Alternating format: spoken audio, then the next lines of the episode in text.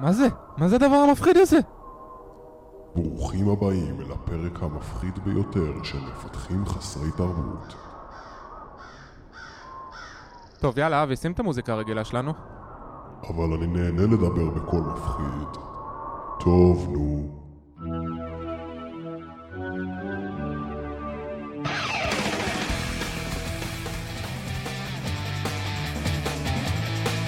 שלום, ברוכים הבאים לפרק מספר 4 של מפתחים חסרי תרבות. התאריך הוא ה-28 לפברואר 2017, ואנחנו פה עם גל צלרמייר. מה העניינים, אבי עציוני? מעולה, מה איתך גל? בסדר גמור, אולי רק תספר לשלושה מאזינים הלא גיקים שלנו מה זאת בדיוק הייתה המוזיקה ששמת לנו עכשיו? שמתי קצת נוסטלגיה, באפי, צייד את הערפדים, יוצר אווירה מפחידה קצת, לא? לקראת הפרק המפחיד מאוד שלנו. אולטרה ספוקי. אולטרה ספוקי. יאללה, צ'ייסר לכבוד הפרק הרביעי? יאללה. תענוג, צ'ייסר בשמונה בבוקר, אין על זה. אני כבר מצחיק? או שזה עוד לא עבד? תן לזה כמה שניות לספוג. סבבה. אז מה, על מה אנחנו מדברים היום? מה זה הפרק ה... מה זה ה-The Fear Factor? אז היום אנחנו הולכים לדבר על אה, דברים שמפחידים מתכנתים, ונדבר על איך, איך כל מיני פחדים שיש לנו אה, מונעים מאיתנו אה, להתקדם בקריירה שלנו, להצליח לקדם את החברה. והכי חשוב, אנחנו נדבר גם איך אנחנו מתמודדים עם הפחדים האלה ולא נותנים להם אה, לגרום לנו לקפוא. אז פחד הוא רגש באמת מאוד חזק, ויש המון המון סוגים של פחדים. למשל, אחד הפחדים הכי משמעותיים, אני חושב, בתחום שלנו זה, זה הפחד מלהיות רלוונטיים בגילאים אה, קצת יותר מבוגרים. כן, כשחיפשתי, כשהתכוננתי לפרק הזה, אז חיפשתי ככה בא, באינטרנט מה הפחד הכי גדול של, אה, של מפתחים, של אנשי QA, זה, וזה תמיד חוזר לאותו פחד, בעיקר אם מסתכלים בקוורה, הפחד מ... אה, למצוא עבודה בגיל אה, 45-50. כן, זה נראה לי משהו שהוא מספיק גדול, אולי נקדיש לזה בעתיד אה, פרק אה, ייחודי לזה. אה, היום ניגע בשלושה, בשלושה סוגים של פחדים. שהם אה, קצת יותר אה, ב-day to day, ולא בעתיד הרחוק שלנו. בדיוק, ו- והם נורא נורא... של חלקנו. כן, ש- של חלקנו, כן, והם מאוד רלוונטיים ל- למתכנתים, לאנשי QA. אה, אז, אז השלושה הסוגים האלה זה, זה חידושים, אה, ובעיקר חידושים טכנולוגיים. הפחד השני הוא פחד משינויים, וגם פה שינויים שהם ב- ב- בדברים שקשורים לטכנולוגיה או לפרוסס, אנחנו ניגע בזה. ו- ופחד מ- מקבלת החלטות, שזה הדבר האחרון שנדבר עליו היום. אז, אז האמת היא שכשאני זוכר שכשהייתי מתכנת, אז אמ, באמת היו לי, אני חושב שאני, היו לי פחדים מ... אתה יודע, לא יודע בדיוק אם מטכנולוגיות חדשות, אבל כשהיה צריך עכשיו להיכנס למשהו חדש לגמרי, או אפילו, לא יודע אם זה דווקא טכנולוגיות, אבל נגיד, אמ, אני הייתי מאוד מאוד טוב, ב, אתה יודע, ב, בלכתוב קוד ב-Eclipse, הייתי עושה את זה, או, או, או ב-whatever, הייתי עושה את זה מאוד מהר, מאוד טוב וכולי. עכשיו, אם הייתי צריך קצת אה, לעשות איזה משהו חדש שאני לא כל כך מכיר, ואיך לכתוב אה, סקריפט ב-Perl או של או משהו כזה, זוכר שבימים הראשונים שלי כמפתח זה היה לי מבהיל, מפחיד. אתה כאילו מאבד את הכוח שלך, זה כמו שמשון אה, בלי השיער או משהו כזה. כן, כן, אתה, אתה יודע, ה- ה- אני, אתה, אתה נמצא ב-Eclipse, או כל אחד בסביבה האהובה אליו, ואתה, האצבעות שלך כבר רצות מעצמם, אתה שולט, אתה יודע בדיוק מה לעשות, אתה מכיר את כל, ה, את כל השטיקים, ו, ומה לעשות, ופתאום אתה נמצא באיזושהי סביבה חדשה, או טכנולוגיה חדשה, ופתאום אתה לא כל כך יודע איך לעשות את זה. לא יודע אם אתה זוכר את זה, אבל היה לנו אה, ב-VMware, כשהיית ראש צוות שלי, היה לנו קטע כזה של אה, Student Exchange, שאתה עובר לספרינט אחד לצוות אחר. אתה זוכר את הקטע הזה? זוכר היטב? אז זהו, אז אני עברתי לצוות אחר, שאנחנו היינו צוות שעשה המון אה, Backend וכאלה, ואני עברתי לצוות שהתעסק יותר ב-front-end, ובספרינט שהצטרפתי אליהם, היה להם משימת Backend, וכאילו לקחתי אותה ותפרתי אותה פיקס. ואז אה, הראש צוות, אה, בצוות שעשיתי אצלו, Student Exchange, הוא אמר לי שעשיתי את המשימה מעולה, אבל, אה, אבל איבדתי קצת את המהות של ה-Student Exchange, כי בעצם עשיתי את מה, ש, את מה שנוח לי, את מה שאני כבר מכיר. כן, אבל, אבל למה מ- מראש עברת, הרי זה ה-Student Exchange הזה היה תוכנית של, תוכנית בחירה, כלומר, למה מראש עברת לצוות הזה שהוא היה בכלל בדומיין אחר? כי לחצת עליי. ולמה לחצתי עליך אבל? חשבת ש... שאולי זה יהיה טוב אם אני אלמד משינויים. מדברים? אה, מדברים אה, שונים קצת. אה, למדתי, למדתי איך אה, צוות אחר מתנהל, איך הדברים עובדים שם, אה, אבל אם אני אחזור שנייה לנקודה ללמה בכלל לא הלכתי ועשיתי feature של, של UI, אני חושב שבעצם ה, ה, אני הרגשתי שאני מאבד את, ה, את, ה, את הכוח שלי, כמו המים הזה ש, שרץ, you have no powers here, משר הטבעות, אז אני הרגשתי שאני מאבד את הכוח שלי כשאני עובר לצוות אחר ואני עושה UI, כי מה לי ול-UI? עכשיו, הדבר הזה, אמ, אני חושב שהוא חוזר הרבה אצל, אצל מתכנתים, וזה... לפעמים זה גם הולך ומעצים, זאת אומרת, זה לא רק שאתה באיזשהו ספרינט אחד לא עובד על המשימה ש... שמוציאה אותך מאזור הנוחות, אלא באופן עקבי במשך שנים אתה לא עושה את זה. אז, אז בסדר, אז יש, יש לך עוד דוגמאות ל... אתה יודע, לשינויים, אני חושב שזה בעיקר סביב, לחידושים, בעיקר סביב חידושים טכנולוגיים ש, שמפתחים נוטים לפחד מהם? כן, אה, האמת ש, שיש לי כמה דוגמאות כאלה, זה גם uh, קטע מצחיק, אבל בתואר שלי למדתי מדעי המחשב, והרבה חבר'ה פחדו מכל קורס שדורש אה, תכנות, כי, כי לפתור שאלות באלגוריתמים זה, זה דומה למתמטיקה, זה קל, זה כבר מה שהם מכירים, קל, טוב, לא קל, אבל זה מה שהם מכירים. פתאום לשבת ולתכנת ולהרים סביבות זה קשה. עוד דוגמאות זה נגיד מישהו ש... ש... פעם עבדתי איתו, שלא הבין למה אנחנו עובדים ב-Spring. מי שלא מכיר, Spring זה, Spring זה framework ב-Java, אבל uh, הוא התחיל, uh, הוא, היום הוא עושה המון דברים, הוא התחיל במקור מכל הקונספט של Dependency Injection.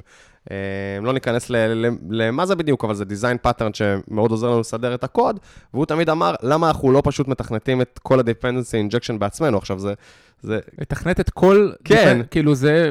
זה טירוף. זה שנים של עבודה. כן, זה כאילו, בא framework ועשה לך את זה טוב, אבל, אבל הקטע שבאמת לפני שבע שנים, שבע שנים לפני זה, הוא, הוא עשה את זה בעצמו, לא כי, כי הוא היה חייב, כי פשוט זה לא היה framework שעושה את זה, ואז פתאום יש איזשהו חידוש. עכשיו, זה לא, אין ספק שיש פה learning curve, זאת אומרת, זה לא שאתה פשוט בא והכל עובד. כאילו, אני, אני לגמרי מבין את, את הצורך בלעשות את זה בעצמך, כי שמה הכוח שלך, שם אתה כבר יודע מה לעשות, ואפילו ש, שכאילו הרמפאפ הוא יותר גדול, או אפילו שאתה תיצור הרבה באגים, זה נוח במובן מסוים. תן לי רגע להקשות עליך, כלומר, בסדר, ברור שאתה יודע, שחידושים, אתה יודע מה, אני לא יודע אם ברור, אבל חידושים זה, זה לפעמים מפחיד, וגם אם אתה... גם חידושים שהם לא טכנולוגיים יכולים להפחיד, אתה יודע, בחיים האישיים שלנו וכולי. אה, אנחנו מתחילים עבודה חדשה למשל, זה, זה מפחיד, אבל זה what's the big deal, כאילו. אז מה ה-big deal? ה-big deal הוא בגדול שהטכנולוגיה שה, במקצוע שלנו היא מתקדמת בטירוף. עכשיו, אם זה לא משהו שאיזשהו אה, סיכון, הייתי אומר, שאתה מוכן לקחת כשאתה נכנס למקצוע הזה, עדיף לך לא להיכנס למקצוע הזה. רגע, רגע, עצור, עצור, עצור, עצור, עצור שנייה. יש, אני מכיר מלא מפתחים מעולים.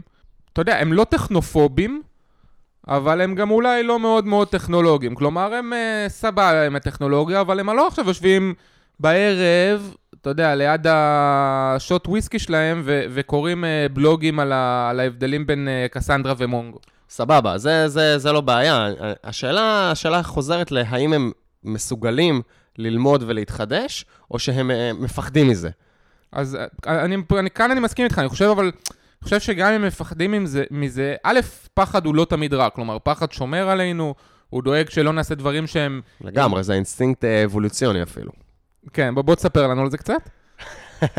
טוב, אני, אני צוחק, אבל פחד הוא באמת, אתה יודע, שומר עלינו מלקחת ריסקים מיותרים וכולי וכולי, אבל אני כן מסכים איתך שאנחנו מאוד צריכים להיזהר שהפחד לא... אה, לא יקפיא אותנו, כן? שאנחנו לא, שאנחנו תמיד נצליח להמשיך ולהתקדם, גם אם אנחנו קצת מפחדים. עכשיו, אם, אם נחזור שנייה לפחד הכי אה, מהותי שיש אה, אה, למפתחים, של, מה שדיברנו בהתחלה, של גילאים מבוגרים יותר, אז שוב, לא ניכנס לכל האספקטים של גילאים מבוגרים יותר בסביבות, בצוותי פיתוח, אבל אין ספק שיש יש משהו שחוזר ו- ונאמר הרבה פעמים כשקוראים בלוגים על uh, נושא של העסקה של מבוגרים יותר וכאלה, שזה הנושא של הם, הם לא עדכניים.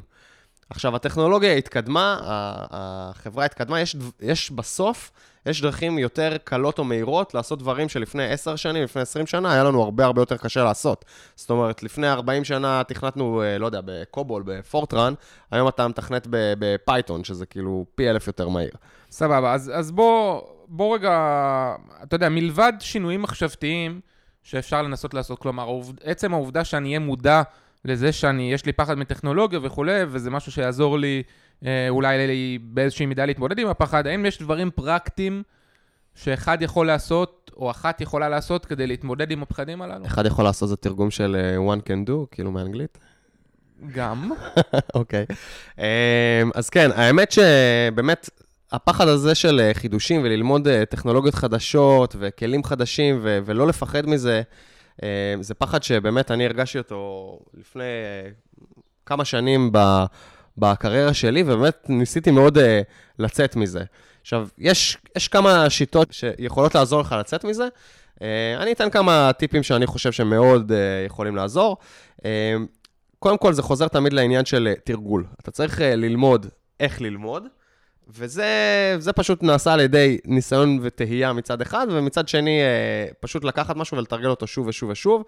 יש את הנושא הזה של אה, קאטה. שמעת על זה פעם? כן, האמת שאני לא ממש מתחבר לזה, אבל לפני שאני אגיד לך למה אני חושב שזה בולשיט, בוא תספר לקהל שלנו מה זה.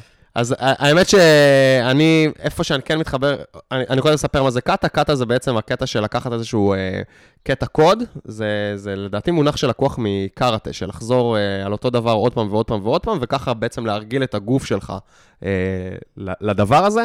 אז kata בקוד זה בעצם לקחת איזשהו, איזושהי בעיה, בעיית קוד, וכל פעם לכתוב אותה עוד פעם ועוד פעם ועוד פעם, וכל פעם לנסות לעשות את זה בדרכים אה, אחרות, וככה להשתפר. אז כן, אני חושב שיש יתרון מדי פעם אה, לעשות את אותו דבר בצורה אחרת ולתרגל את זה. אתה יודע, אצלנו אפילו לא מזמן עשינו code retreat, ש- שזה בדיוק העניין הזה, את הקבוצה של מפתחים עובדת בזוגות ומנסה לתרגל אה, פתרון של Conway's, קוראים לזה? Game of life. כן, Conway's Game of Life uh, problem, ופשוט עושים את זה over and over again כל פעם שאתה שם constraint אחר על, ה, על הדרכים שאתה יכול לפתור את זה. כן, למי שלא מכיר code retreat, זה הקטע שלוקחים אה, איזושהי אה, בעיה, שקוראים לה משחק החיים, אה, בדרך כלל זה מה שמשתמשים בה, וכל פעם יש אה, 45 דקות ל- ל- לכתוב איזושהי, לכתוב את משחק החיים עם בן זוג אחר, וכל פעם יש לך איזה constraints אחרים. נגיד, פעם אל תשתמש בלולאות, פעם אתה חייב לעשות את זה ב-TDD, שאחד כותב את הטסטים, אחד כותב את הקוד ו- וכולי, ואז ככה מתרגלים בעצם אה, שיטות. כן, אז, אז אני חושב שיש בזה יתרונות, אתה יודע, בלעשות את זה פעם בשנה, פעם בכמה חודשים, שאתה עושה את זה עם עוד מישהו וכולי, אבל לעשות עכשיו קאטה, שזה בדרך כלל, אתה עושה את זה עם עצמך מול המחשב, אה, over and over and over again, אתה יודע, אני חושב שזה... אתה צריך פה משמעת באמת של איזשהו קראטיסט עם חגורה שחורה כדי לגרום לזה לקרות, אבל הרעיון הוא, הרעיון יפה, אני פחות אוהב את הפרקטיקה של זה. האמת שאני אני, אני מסכים איתך בכללי, אה, לאו דווקא כי אני חושב שקאטה זה מיותר או משהו כזה, פשוט כי אני אישית באמת, אה, code retreat עבד לי הרבה יותר טוב מקאטה, אבל תדעו שזה דרכים שקיימות. אז סבבה, אמרנו לתרגל, אה, ואמרנו שאנחנו צריכים להיות מודעים לזה שאנחנו, שאנחנו, יש לנו פחד מאיזה משהו ספציפי, ומה עוד? אז אה, עוד משהו שמאוד אה, עזר לי, אח- אח- אחת הבעיות שתמיד היו לי עם דברים חדשים, זה שהרגשתי שאני לא יודע מאיפה להתחיל. אם נגיד, כשעברתי לצוות שלך ופעם ראשונה למדתי ספרינג, אז uh, שולחים אותך לטוטוריאל של ספרינג. עכשיו, הטוטוריאל של ספרינג הם מדהימים, באמת, כאילו זה באמת דוקומנטציה מעולה, אבל מאוד מאוד התקשיתי להתחיל ופשוט לקרוא אותם ו- ולהבין מזה, כי, כי אני, לא יודע, אני פשוט פחות טוב ב- בלשבת ולקרוא טוטוריאלס. מה שגיליתי שהרבה יותר עובד לי, זה לראות, אה, לראות הרצאות. כאילו, אתה רושם Introduction to Spring, Introduction to Redis, Introduction to Kafka, מה שאתה רוצה. אבל ב- זה, זה משהו שהוא ספציפי נורא לך, לא? כאילו, אתה אוהב לראות אה, סרטים, אז זה נוח לך, אתה יודע, לעבוד עם יוטיוב. נכון, אה, אין ספק שזה ספציפי לי, מה שבעצם, ה... מה שאני בעצם הייתי ממליץ פה למאזינים שלנו, שמחפשים איך, איך להתגבר על הפחד הזה של ללמוד דברים חדשים, זה לנסות כל מיני שיטות. זה שהחבר שלכם לצוות, אה, הוא כאילו מאוד מאוד טוב לו לשבת, והוא יכול לקחת טוטוריאל עכשיו, או איזה, או ספר של אה, אוריילי, של אה, 800 עמודים, ו- ולהבין כאילו כל דבר אה, בטכנולוגיה חדשה, לא יודע, ת- אני קראתי פעם את הספר של אה, Spark, אז כאילו זה באמת, זה בואנה, אבי, יש לך מלא מלא מלא זמן חופשי, זה כאילו, זה תענוג, מתי אתה קורא את כל הדברים האלה? האמת שפעם, אני חושב שאפשר לעשות גם איזשהו פרק על איך אתה מתעדכן בטכנולוגיה, אבל אנחנו לא ניכנס לזה היום. אה, אבל כן, זה... קראתי פעם את הספר של Spark, אני אח- אחזור לזה, ובאמת, זה כאילו מפרט לך כל דבר קטן, ואיך אתה מקנפג, ואיך אתה מרים את ה cluster, וכולי וכולי. עכשיו, כשאתה רוצה להבין מה זה Spark, רק כדי להתחיל, אני לא בטוח שאתה צריך לדעת את כל המידע הזה, ו- ולכן... אני הייתי מנסה למצוא אה, באמת את הדרכים ש- שעוזרות לך ללמוד. יכול להיות שזה אה, הרצאות ביוטיוב, יכול להיות שזה פודקאסט. אגב, יש אה, פודקאסט ישראלי שנקרא רוורסים בעברית, שמדבר על טכנולוגיה, ויש גם את ועידת רוורסים, וכל הסרטונים שם הם ביוטיוב, אני תמיד מח... מתחיל מזה.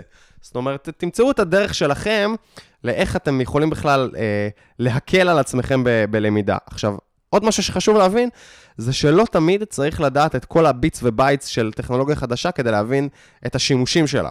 זאת אומרת, אני, אה, לאחרונה התחלנו להשתמש בו ב Redis, שזה טכנולוגיה שלא השתמשתי בה לפני כן. בסדר, ראיתי introduction to Redis, ראיתי כמה דוגמאות קוד, וזהו, אני לא מבין את כל ה bits ו bytes של Redis, אבל בגדול אני יודע להגיד למה זה משמש, למה זה טוב, וזהו, זה כל מה שצריך. למה זה טוב?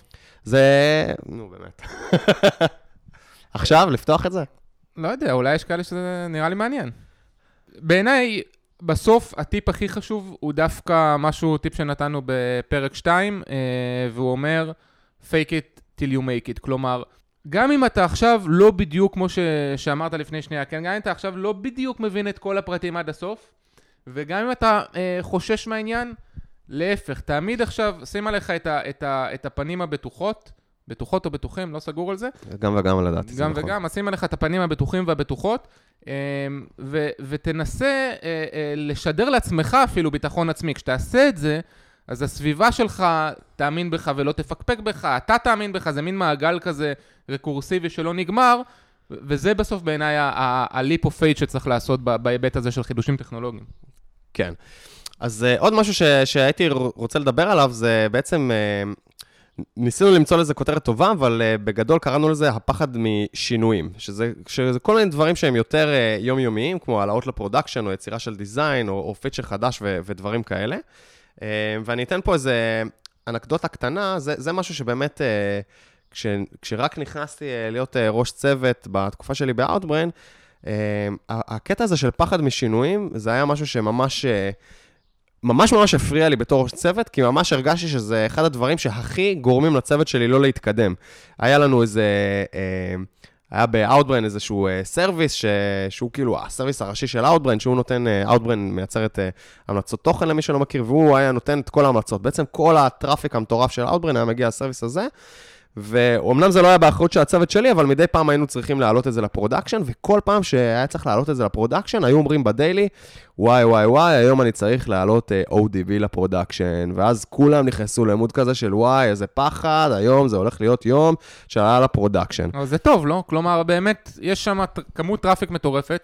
Outbrain זה, אם נתת את הדוגמה, זה, זה מוצר שכבר יש לו אה, כמות מאוד מאוד גדולה של לקוחות. אני חושב שזה... כדאי שכשמתכנתים עושים commit לדבר כזה, אז אתה יודע, לא יודע אם שהאצבעות ירעדו, אבל קצת. כן, אז uh, מה, שמאוד הפריע לי זה שהפחד הזה, הפחד הזה הוא, הוא הפך להיות מפחד אבולוציוני בריא, של כאילו בוא נשמור על המערכת עובדת, לפחד uh, משתק, שבו אנחנו לא יכולים להתקדם. אגב, אני אגיד עכשיו שכשהתחלנו את אוריבי, ניסיתי לחשוב מה, מה הקווים הכלליים uh, uh, שאני רוצה להנחיל ב-R&D. ובמצגת הראשונה שעשיתי לצוות, שככה דיברה על איך אנחנו הולכים לעבוד באוריבי, אז uh, כתבתי בגדול No Fear. וזה נהיה איזה catch phrase כזה באוריבי, uh, של No Fear. אל, אל תפחדו uh, לעשות, לעשות דברים. וזה בעצם שאבתי מאותה טראומה שהייתה לי מהימים שלי ב-Outbrain, בקטע הזה של הפחד המשתק, שלא נותן לך להתקדם. כן, אני חושב, שוב, אני חושב ש...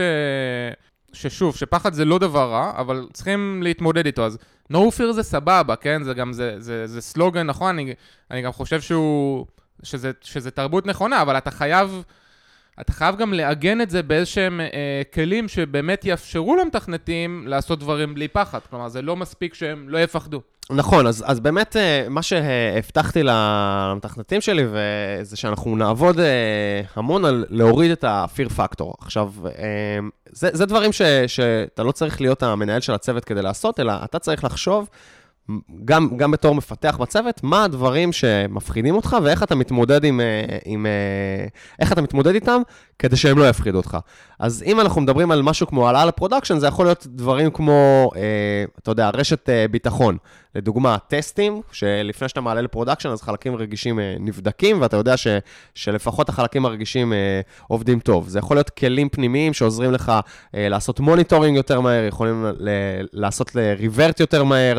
כל הדברים האלה נותנים לך את המעטפת ביטחון הזאת, שמאפשרת לך בעצם להגיד, אוקיי, יכול להיות שיש פה משהו שתאורטית הוא מפחיד, אבל יש לי המון רשתות הגנה והמון כלים להתמודד כאשר תהיה איזושהי תקלה. תראה, בעיניי, אחד הדברים ש, שאמרת ב, במשפט ה- או השניים האחרונים הם מאוד מאוד נכונים, כן? שאתה צריך לשכנע גם את עצמך קצת, ובאיזשהו מובן לעשות קואוצ'ינג לעצמך. תראה, אם יש לך מנהל ש, שהוא עושה לך coaching ו mentoring ומלמד אותך ומסביר אותך- לך ו, ומראה לך את הדרך על איך להתמודד עם פחד משינויים, אז זה נהדר. אבל אם אין לך את זה, זה משהו שאתה צריך לעשות לעצמך. אני מאוד מאוד מאמין ב... אה, בעניין הזה שאפילו ברמת החשיבה המודעת, כן, אם אתה תחשוב שבסדר, אתה מפחד מהשינוי, אבל אתה בא לזה בעיניים פקוחות, אתה כבר מכיר מניס, מהניסיון עבר שלך שגם בפעמים קודמות שהיו שינויים, הצלחת להתגבר עליהם, סביר להניח שגם עכשיו אתה תתגבר על זה, אה, אז, אז אני חושב שזה מאוד מאוד חשוב. אני, אני חושב שאולי זה ככה, מה שאתה אומר על, ה, על המנהל ש, שנותן לך אה, את היכולת להתמודד, אולי אה, יוביל אותנו קצת ל, לנקודה השלישית, ושזה הפחד מקבלת החלטות. עכשיו, אני, אה, מאז שנכנסתי לתפקיד יותר ניהולי, אני מרגיש, תגיד לי אם אתה גם מרגיש את זה, אני מרגיש שהרבה החלטות שאני לא אמור לקחת, נזרקות עליי כל הזמן. מה זאת אומרת שאתה לא אמור לקחת? שהמפתחים שלך היו צריכים לקחת, או שמישהו מעליך היה צריך לקחת? שהמפתחים שלי צריכים לקחת. זאת אומרת, כל מיני החלטות שהם... המפתח שעובד על איזשהו feature, מבין בהם כל כך, כל כך הרבה יותר ממני, והוא בא אליי עם איזושהי החלטה, עם איזושהי שאלה, אה, עכשיו זה הזמן לעלות ל production, עכשיו וואי, זה... זה... זה קורה כל הזמן. כל וזה, הזמן. וזה pure fear factor, כי הרי כמו שאמרת, הוא הרי מכיר את הקוד פי שלוש יותר טוב ממך. את כנראה- והטכנולוגיה ואת, ואת הכל הוא מכיר יותר טוב ממני. זאת אומרת, בקטע הזה הוא, הוא יכול ללמד אותי, אז, אז למה, למה תמיד זורקים עליי את, את ההחלטה הזאת של, אה, של כל מיני דברים כאילו כל בוא, כך יומיומיים? אז תן לי שנייה בכל זאת, אתה יודע, להקשות עליך. אולי זה כי, כי זאתי התרבות שהנחלת, כלומר, אולי אתה, אתה יודע, אני מכיר אותך, אני יודע שאתה לא עושה micro-management, אבל אולי אתה כן מצפה שהכל יעבור דרכך, או לפחות זו התחושה שאתה נותן. אז זהו, האמת שכשאני הגדרתי את ה-No Fear הזה, שזה באמת, זה סלוגן, אה, זה, זה ממש... אה, אנחנו דיברנו על זה קודם? כן, דיברנו על זה, אני, אתה קצת סנילי, בסדר, אולי זה, אולי זה הוואן גוך. פתאום לא הייתי בטוח אם דיברנו על זה, או רק, אם הקלטנו או רק בינינו. אז באמת כשהגדרתי את, את הקונספט הזה של, של no fear בחברה, אז חלק ממה שאמרתי, אני אמרתי לצוות שלי, זה גם, ה- זה גם היכולת, אני נותן לכם את הסמכות לקבל החלטות אה, שהן הגיוניות. עכשיו, זה, זה אחת השאלות, איך אתה מגדיר החלטות שהן הגיוניות. אה, אני נותן לכם את הסמכות לקחת, לקחת החלטות. כל מה שאני דורש מכם זה, זה שני דברים. אחת, שאם אתם עושים טעויות, אז הם לא יחזרו על עצמן עוד פעם ועוד פעם ועוד פעם. זאת אומרת, טעות אה, מסוימת צריכה לקרות פעם אחת. והדבר השני שאני דורש זה accountability על ההחלטות האלה. זאת אומרת, האחריות היא שלכם. אם החלטתם לעלות ל production ביום שישי אה, בשלוש בצהריים, ו- ודפקתם את ה production, זה על אחריותכם עכשיו, לקחת אחריות ולדאוג שה production יעבוד, לא, ו- וגם לנסות לא לתפעל עכשיו את כל החברה על זה. זה על אחריותכם, כאילו, קחו אחריות, אל תתקשרו אליי ותגידו, וואי, אה, דפקתי את ה production, אני לא יודע מה לעשות, ויש לי ארוחה משפחתית עכשיו. קחו אחריות על זה שלקחתם החלטה אה, לא נכונה. כן, אז באנגלית קוראים לזה Team Empowerment, אתה בעצם נותן לצוות שלך את, ה- את הסמכות אה, לקבל את ההחלטות, וזה מצוין. אני חושב שיש המון המון חברות שיש בהן ממש תרבות ארגונית של, של חוסר קבלת החלטות. אתה שומע כל מיני אה, ישיבות שמסתיימות בלי שום action item, או, או כל מיני אמרות כאלה של... סבבה, אנחנו עוד נחשוב על זה כמה ימים, או שלא חייבים לקבל את ההחלטה עכשיו. זה מאוד נפוץ אצל מנהלים, כמו שאתה הזכרת גם אצל מפתחים, אבל זה, זה בעיניי אה, אה, רעה חולה שהיא היא פשוט עוצרת חברה מלהתקדם, בטח מלהתקדם מהר, אבל לדעתי מלהתקדם בכלל. עכשיו, גם מה, גם, מה, מה, מה מצחיק בזה, או מה האבסורד בזה? המפתחים שלך, חלק מהמפתחים שלי הם יותר אה, אה, מבוגרים ממני. ואנשים לקחו אה, משכנתה, קנו רכב, עשו חתונה, הוציאו הוצאות אה, כלכליות אדירות, אה, הביאו ילדים לעולם, אתה יודע. הם לוקחים החלטות כל יום שהן הרבה הרבה יותר גדולות מהאם עכשיו כדאי לעלות ל production, או האם להשתמש ב Redis או ב-MySQL, ואיכשהו תמיד מרגיש שבהחלטות היותר בעבודה, הם זורקים את זה אה, עליי. עכשיו, אני חושב, למה אני חושב שזה קורה? אני חושב שזה קורה בגלל הצורך שאחר כך אה, לא, לא תהיה, אה, כאילו הם לא יצטרכו לשאת באחריות כשמשהו קורה. זאת אומרת, אבי אישר, זה בסדר. אני, אני חצי מסכים איתך, כלומר, אני, אני מסכים איתך שיש פה אה, את הפחד הזה לפעמים, אתה יודע, מלקחת אה, אה, ownership או accountability, תקרא לזה שאתה רוצה, אני חושב שיש פה משהו שהוא עוד יותר מהותי מזה, וזה, הרבה מפתחים, או, או אנשים שהם במקצוע הזה, הם אנשים שהם מאוד מאוד מאוד אנליטיים, כן? הם, הם מקבלים את ההחלטות שלהם על סמך אה, דאטה. אה, ויש משהו שמי ש... הכיר אותי למושג הזה בזמנו, זה הייתה ליטל, שהייתה ראש צוות שלי, אתה מכיר אותה טוב מווימו, אה, והמושג הזה נקרא... אני עושה כאן עם הראש. הוא עושה כאן עם הראש. המאזינים לא רואים. אה, אולי צריכים לעבור לוידאו.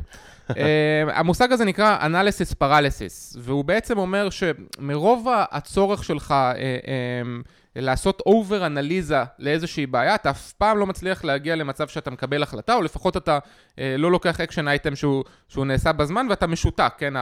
אתה paralyzed מה, מהעניין הזה שאתה צריך לעשות כל הזמן אנליזה, ובעיניי זה, זה משהו שהוא קורה כל הזמן, גם אצל מנהלים, גם אצל מפתחים, והחלטות לא מתקבלות פשוט.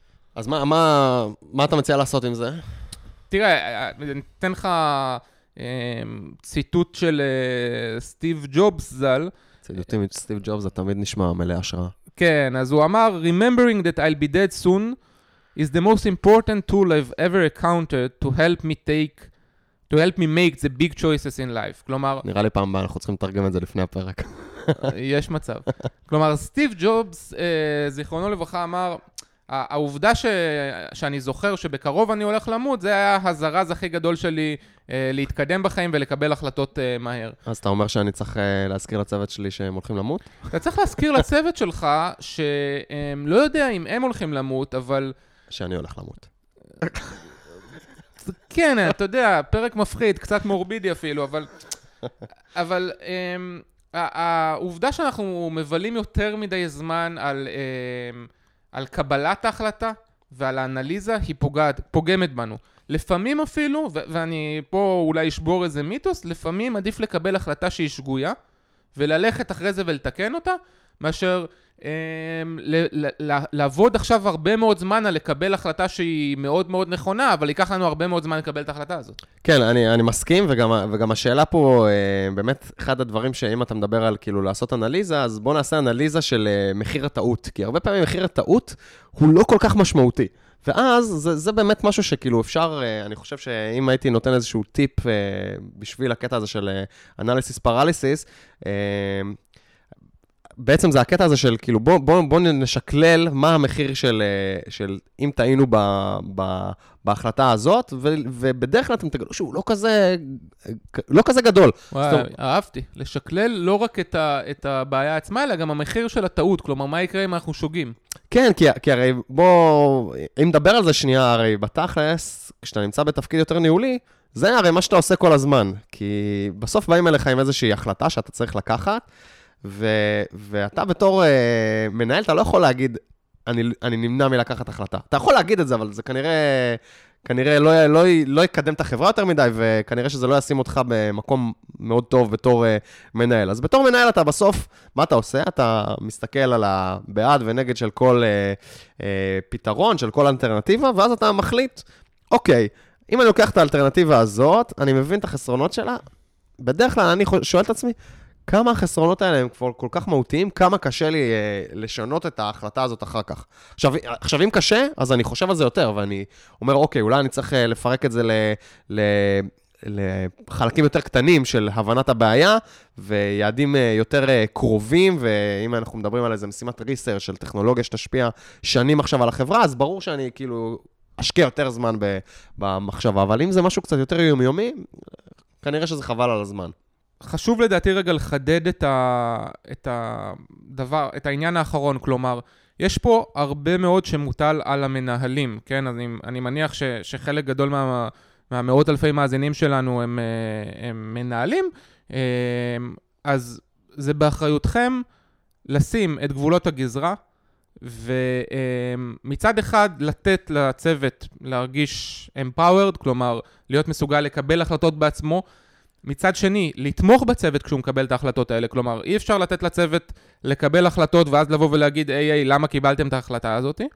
אה, אז זה צד אחד, ומצד שני אתם גם צריכים להגדיר באופן מאוד מאוד ברור את הציפיות שלכם, אה, מתי זה בסדר לקבל החלטה, מתי זה לא בסדר לקבל את ההחלטה, ואיזה סוגים של החלטות מקבלים. כן, אתם צריכים גם לה- להבהיר מה בדיוק הדברים שחשוב לכם להיות סופר מעורבים בהם, ומה הדברים שאתם אה, יותר אה, מרגישים שאתם יכולים לשחרר. זאת אומרת, זה גם משהו במה שאתם משדרים. אגב, יש, יש תרגיל נחמד שאני נוהג לעשות עם, עם המפתחים, שלפעמים אתם לא כל כך מודעים אפילו ל, לרמת המעורבות שלכם, או לרמת ההתערבות שלכם ה- ב, בקבלת ההחלטות בצוות, או בכלל ביומיום, אמ, אז אל תתביישו, כלומר, לכו באחד on one שלכם עם המפתח שלי, עם אחד המפתחים שלכם, עדיף עם כמה שיותר, ותשאלו אותם כמה הם חושבים שאתם מעורבים, מתערבים, ו- ותוודאו שזה באמת ה... מתאים לתוכנית שלכם, כן? יכול להיות שאתם בטוחים שאתם אה, לא מעורבים בכלל, לא מתערבים בכלל, נותנים לצוות 100% empowerment, ובעצם המפתחים מרגישים שאתם עושים להם כל היום micro-management, אז שווה לקבל את הפידבק ההפוך הזה. נכון. סבבה. אה, וואו, דיברנו על, אה, על מלא פחדים, אני כאילו די אכול פחד עכשיו. דיברנו על פחד מחידושים ו, ועל פחד מש, משינויים ועל קבלת החלטות ו paralysis analysis.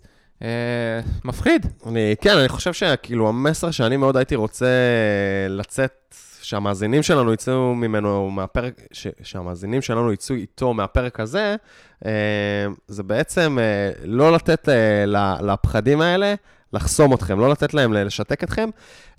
ברור שנגענו פה רק בקצה הקרחון, וכאילו, בסוף פחדים זה משהו פסיכולוגי שלפעמים הוא עמוק ו... כל, אה, כל פחד יש לו את הדרכים אה, להתמודדות שלו, אבל אני מקווה שהצלחנו לתת לכם פה קצת כלים כדי להסתכל רגע בצורה קצת יותר אובייקטיבית על הפחדים שלכם ולנסות להבין גם מה מפחיד אתכם וגם איך אתם מתמודדים עם זה ולא נותנים לזה לשתק אתכם ו- ולעצור לכם את העבודה, את הקריירה ו- וכולי. טוב, אבי, מה, מה הטיפ שלנו לפרק הזה? רגע, חכה, אני צריך לשים את ה-Q. אמ,